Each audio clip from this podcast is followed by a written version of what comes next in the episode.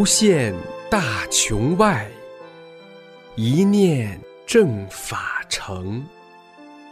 师尊慈悲愿，万物沐春风。请听明慧专题《一师恩》。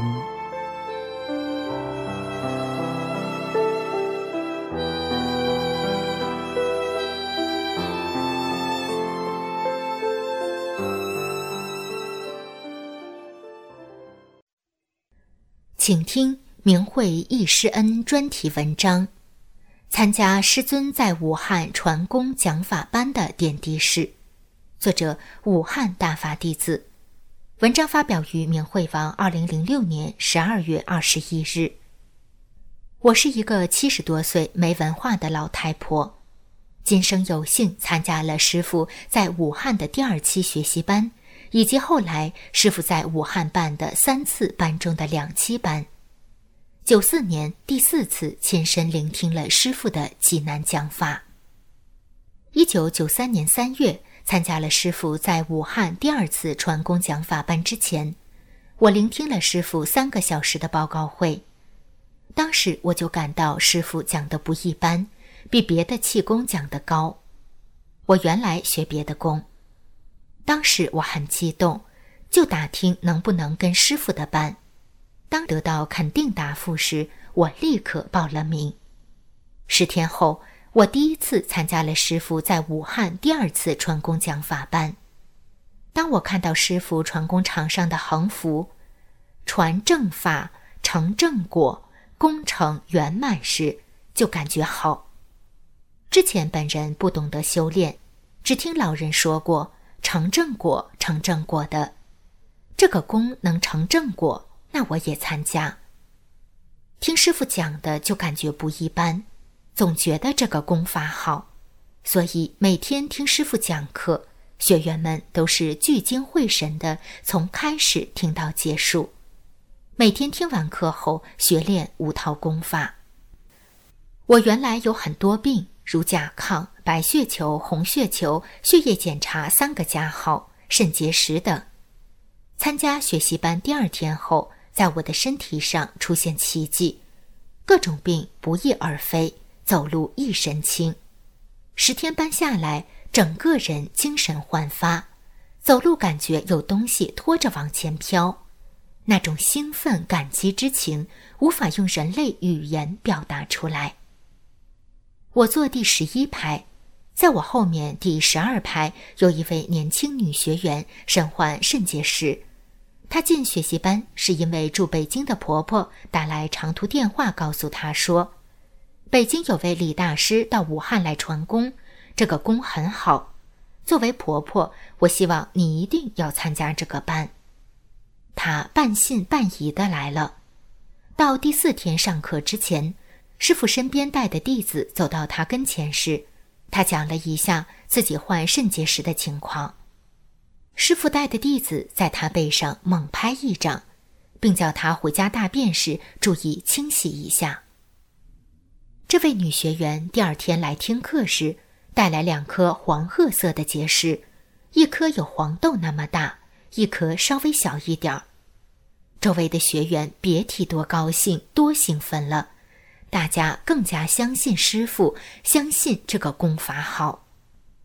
师傅讲过，只传功不做表演。当时和我一排坐的有个小伙子，他说他喜欢气功，喜欢看气功表演。当他看到第十二排这位学员的两颗结石后，亲眼见证了大法的神奇，再也不提表演的事了，心服口服的听完了十堂课。还有一位学员是我的一个街坊，他在家边打毛衣边收听长江经济广播电台的节目。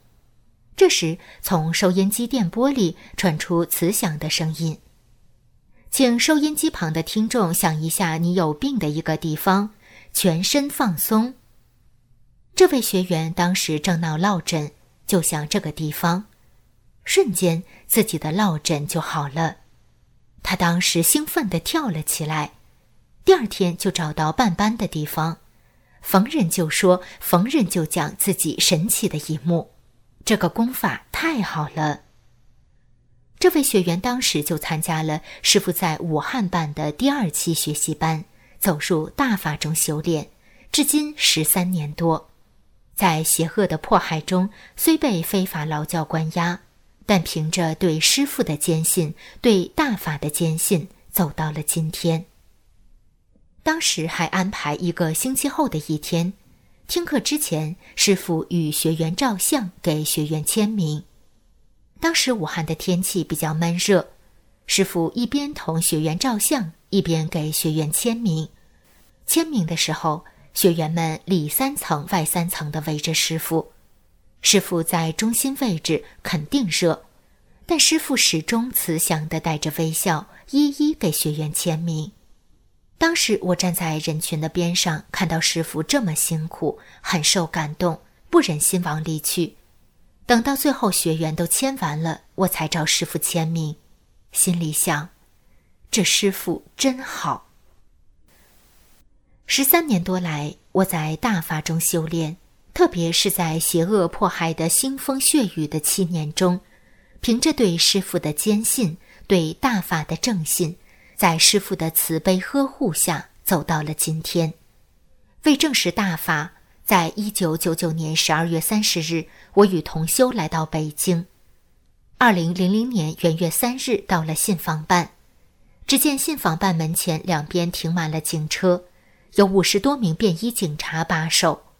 我不看这些，只一边默念师傅的经文威德：“大法不离身，心存真善人，世间大罗汉，神鬼俱时分。”一边往里走，我前面和后面的人都被警察拦下来了，而他们却像看不见我一样给我让道。就这样，我到了信访办。同去的同修后来跟我说：“看你进信访办，就像飘进去的一样。”几年来，我平稳地做着大法弟子应该做的三件事。我今天说出这些来，就是为了见证师父的伟大。大法的正，见证历史，同修们要珍惜这万古机缘啊！做好我们应该做好的三件事。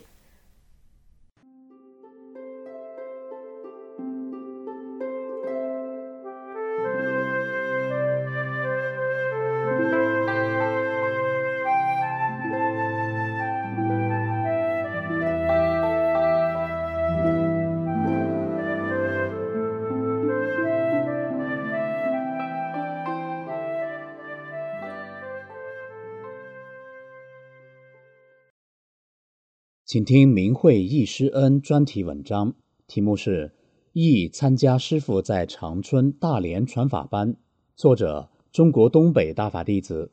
文章发表于明慧网，二零零七年五月七日。每当回忆起师傅一九九四年在长春、大连、哈尔滨和延吉讲法传功，对弟子慈悲苦度的日日夜夜的情景，使我感激不尽，流下泪水。永远不能忘怀。为庆祝师傅生日和在长春讲法传功十四周年，我要把师傅九四年四月末至五月初在故乡四个城市五次讲法的日子里，我耳闻目睹的点滴事情和感悟写出来，表达我们对师傅的敬仰。九四年四月二十九日至五月八日，我与大女儿荣幸地参加了师傅举办的长春第七期传授班。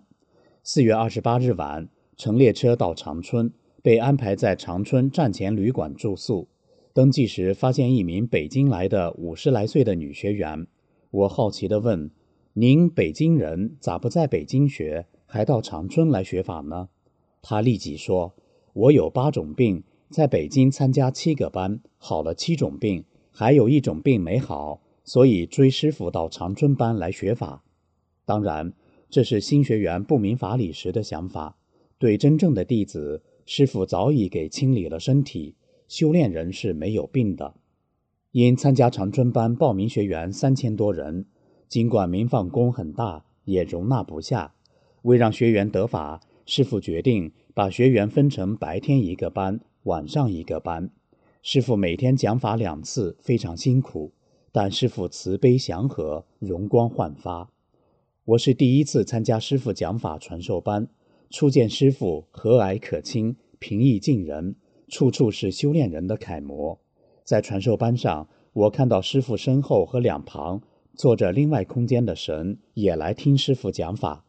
从第三天起，我的眼前出现五颜六色的光环，走路一身轻，全身轻飘飘的，没有疲劳的感觉。我见到师傅慈悲祥和的面孔。听到师傅讲法的洪亮声音，就像发生在昨天。师傅讲法时只背一张很小的纸，我从远的位置上看，也只写出几个问题题目。师傅一堂课讲两三个小时，滔滔不绝，上小天文，下知地理，古今中外，简单明了，深入浅出，有声有色，学员感到轻松舒适，都融入了慈悲祥和的能量场中。沉浸在宇宙最高法理真善忍中，师傅讲法使学员明白了怎样做一个好人，做一个超常的人，使我的心性与境界不断的提高与升华。这是我在传授班的感受。现在回想起来，真是感激不尽，热泪盈眶，沉浸在无比的幸福中。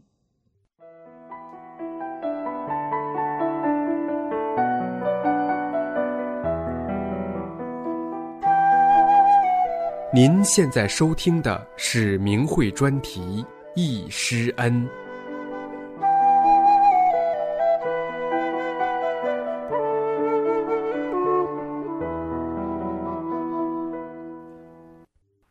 在传授班上，我突然想起回来后怎样把大法在当地红传开来。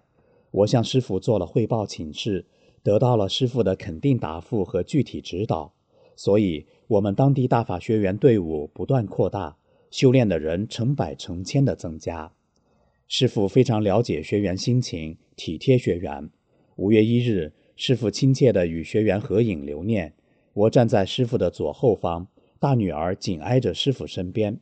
师傅站在明放宫前门，时而站到东边组，时而站到西边组，一组接一组照相。我一直站在师傅身边。看着师傅那样劳累，十分心疼。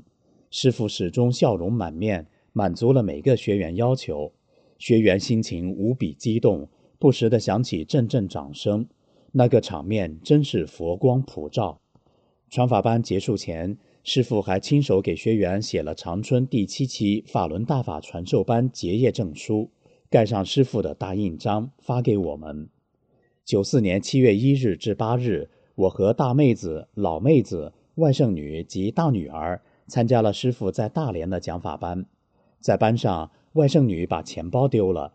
第二天，大连负责人在台上用麦克风喊：“有人拾到钱包，请丢着前来领取。”外甥女上台领回。在讲法班上，什么也丢不了。七月八日，在讲法班将结束的结业式上，大女儿和外甥女向师傅献旗，旗上写着。兼修大法施引路，弘扬大法遍全球。在结业式讲台上，师傅双手接过弟子所献的多面锦旗，并和每个弟子亲切握手。我激动得热泪盈眶，会场上响起热烈的掌声。在返家的列车里，我睡着了。车到新民站，我突然醒了，一睁眼看到一片耀眼的光团，怎么眨眼也长时间不灭。我又惊又喜。大妹子说：“师傅也坐这列车回北京。这是师傅在列车上发放功能与能量，是师傅的威德与神奇，时时刻刻鼓舞着我。”九四年八月五日是我全家又一个喜庆难忘的日子。我老伴同大妹妹、大儿媳及孙子、大女儿及外孙一起参加师傅在哈尔滨冰球场为四千人举办的讲法班。九四年八月二十日，大女儿参加师傅在延吉市的讲法班，回忆此情此景，感到无比幸福，无比荣幸。七二零以后，恶党破坏大法，攻击我们师傅，全国铺天盖地的谎言和诽谤，迷惑世人。邪党说师傅敛财，利用办班赚多少钱？实际师傅办班十天只收四十元，是全国气功班收费最低的。而且师傅不直接收费，都归当地气功协会收费。师傅把延吉班收费的七千多元，在结业的仪式上捐献给当地红十字会了。师傅救度众生，不求名利，浩荡佛恩。九四年十二月三十日，我与四十名同修参加了师傅在大连体育馆为六千多人举办的讲法报告会。当师傅稳步地步入会场时，全场起立，掌声雷动，欢迎师傅的场面无以言表。我们聆听了师傅三个小时的讲法报告。师傅在报告会上同每次讲法班一样，为学员调整身体。师傅告诉大家，每人想自己的一种病，如自己没病，想家里人的一种病。等师傅一声口令，一挥手，大家一起跺脚。师傅把全场分成两次调整身体，弟子们起立，听着师傅口令，看着师傅挥手，全场绝大多数人感到轻松舒畅，疾病不翼而飞。报告会上爆发出长时间激动人心的掌声，人人沉浸在佛恩浩荡、无比幸福喜悦之中。转眼十四年过去了，回忆师傅在长春、大连讲法传功那一幕幕。记忆犹新，历历在目。在邪党腥风血雨、空前残酷的迫害中，弟子还有各种人心和执着心反映出来。有时修炼的还不精进，还有很大的差距和不足，愧对师父慈悲苦度。弟子只能努力做好三件事，弥补自己的过失，绝不辜负师父的希望，紧跟师父走好走正最后的路。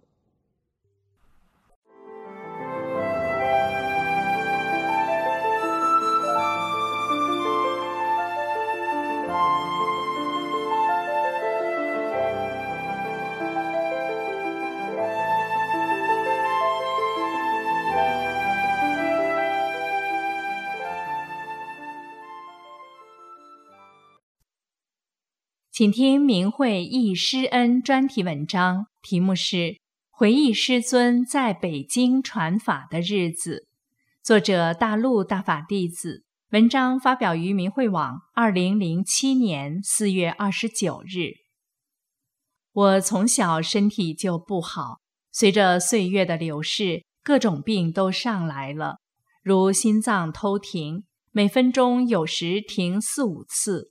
有时每分钟心跳只有四十次，有时狂跳到一百三十至一百四十次，全身关节肿大，夜里不知怎么躺才能让腿和腰都好过点，长期失眠头疼，有时还突然昏倒，尤其耳鸣的毛病，好像轰炸机到了头顶，所有医药广告上提到的病症。好像都能与我身上的毛病对上号，医院治也治不好。由于现代医学水平有限，很多病治不了，所以当时我把希望全寄托在气功上了。曾先后学了六七种功法，还打了几年太极拳，花的精力很多，但收效甚微。到五十岁时，身体已经很不像样了。学了法轮大法后，才知是不懂修心性所致。就在我苦苦寻求好功法时，有人告诉我：“你去学法轮功吧，五套功法一步到位。”师傅正在北京办第七期班，这期已是第四天了。你下一期去吧。我回家一想，不行，今天就得去。见到师尊的那一刻，师尊那慈祥的面容、慈悲的声音，深深地震撼了我整个身心。师尊在授课前或课间时，经常下来巡视，不断的有人要求签名或解答问题，师尊都和蔼可亲地满足学员的要求。我不忍心前去打搅。可我的眼睛总是追随着师尊。我刚参加班时，因头部有病，一听课就困得东倒西歪，觉得很不礼貌。但就是困得睁不开眼，可心里却很明白，因为真正的我知道，我得到了众生盼望已久的大法，有幸见到了伟大的师尊。因晚去了三天，师傅的课没听全。接着，我参加了师傅在北京办的第八期班，即云港航天部某部的礼堂七天班。第一天回家，我就开始发高烧。第二天，我继续去听课。在教第二套功法头前抱轮时，由于练功场能量太强，清理身体来得太猛，我突然晕倒。有人拍了拍我的头，我就醒过来了。后来有人告诉是师尊的一个弟子拍的。从此我全身的病一扫而光。那天晚上回到家，我真是哪儿也不难受了。第三天。我一个不太会骑自行车的人，竟然骑了近一个小时的车，中途上了三个很大的坡，轻轻松松的去听课。从此，我感到脱胎换骨，成了另一个我了，整个身心发生了巨大的变化。我共参加了北京的七到十三期七个学习班，第一期花了四十元。以后各期均减半为二十元，七期班我总共才花了一百六十元。那么多媒体都造谣说法轮功敛财、欺骗老百姓，真是诬陷。九三年夏天，北京的雨很多，我们住在郊区，不管在哪儿办班，我们都没用过伞，只要我们一上路，雨就停。在家或听课时就下雨。第十三期是在长辛店二期机车厂俱乐部。有一天讲课时，忽然第一排前上方流下来一些水，前面人都站起来看。外面没下雨，房顶也没有水管。后来才明白是另外空间的雨下到这儿了，可能是师尊在开拓我们的思想。对另外空间的一点感性认识，有人在课间不断的拍照录音，为了不影响别人听课，师尊多次讲不要照了，不要录了，否则机器就坏了。有人就是不听，慈悲的师尊没让他们的机器坏了，但有点小损失，结果有的没照上，有的磁带卷了。师尊讲课从未喝过水、擦过汗，每次讲课都反复调试扩音器，直到效果最佳。师尊每次打大手印或教动作时，总是工作人员把桌子挪动到大家都看得清的位置。师尊办班经常坐公共汽车来。一天，一个学员和他妻子开着自家小面包车去接师尊。刚出门不远，就看到师尊自己坐三零九路公共汽车来了。师尊生活非常简朴，但又非常整洁典雅。九三年一整个夏天，只看师尊两件白色带驼色条纹的上衣换着穿，一件长袖，一件短袖，浅驼色的裤子和黑色旧皮鞋。为了让更多人了解法轮功，师尊曾经带弟子在长辛店通讯工厂单身职工小食堂和二七厂办了两次咨询班，开手给人治病，每位挂号费为十元，无效退款。我当时看到了师尊带弟子在通讯厂食堂治病的全过程。他们一到通讯厂食堂。每个人就立即换上自带的白大褂，开始调病。那时重病号都想找师尊。印象最深的是一个身穿大黑棉衣、又高又胖、全身瘫痪的老太太。师尊拍打她全身，给她活动胳膊腿，然后亲自架着她在地上走。她自己还说：“我不行了。”他的儿女们都高兴地说：“妈，你能走了。如果当时悟性好，效果会更好。”我看到师尊出汗了，有人给送上一个小方毛巾，师尊摆摆手没用，只是撩起白大褂擦擦汗。那天治了五六十人，他们没有人顾得上喝水休息。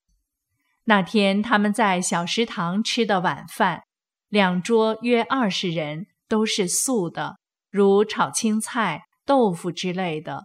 我去食堂操作间里。看到只有一块不到一斤的肉，而且都还没用完，菜的量也很少，都是小盘盛的，两桌七八盘菜，最后又加了一盘素炒豆腐，没有汤，也没有饮料，比一般家庭的饭还简朴得多。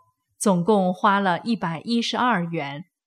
饭后，师尊满足了大家的要求，和大家照了相。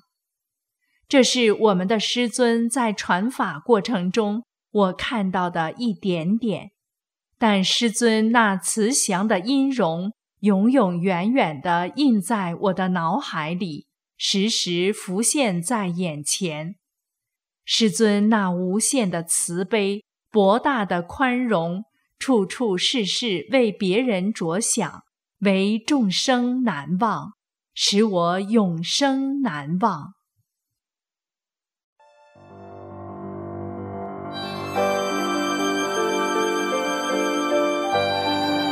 这次的易师恩就到这里，谢谢收听。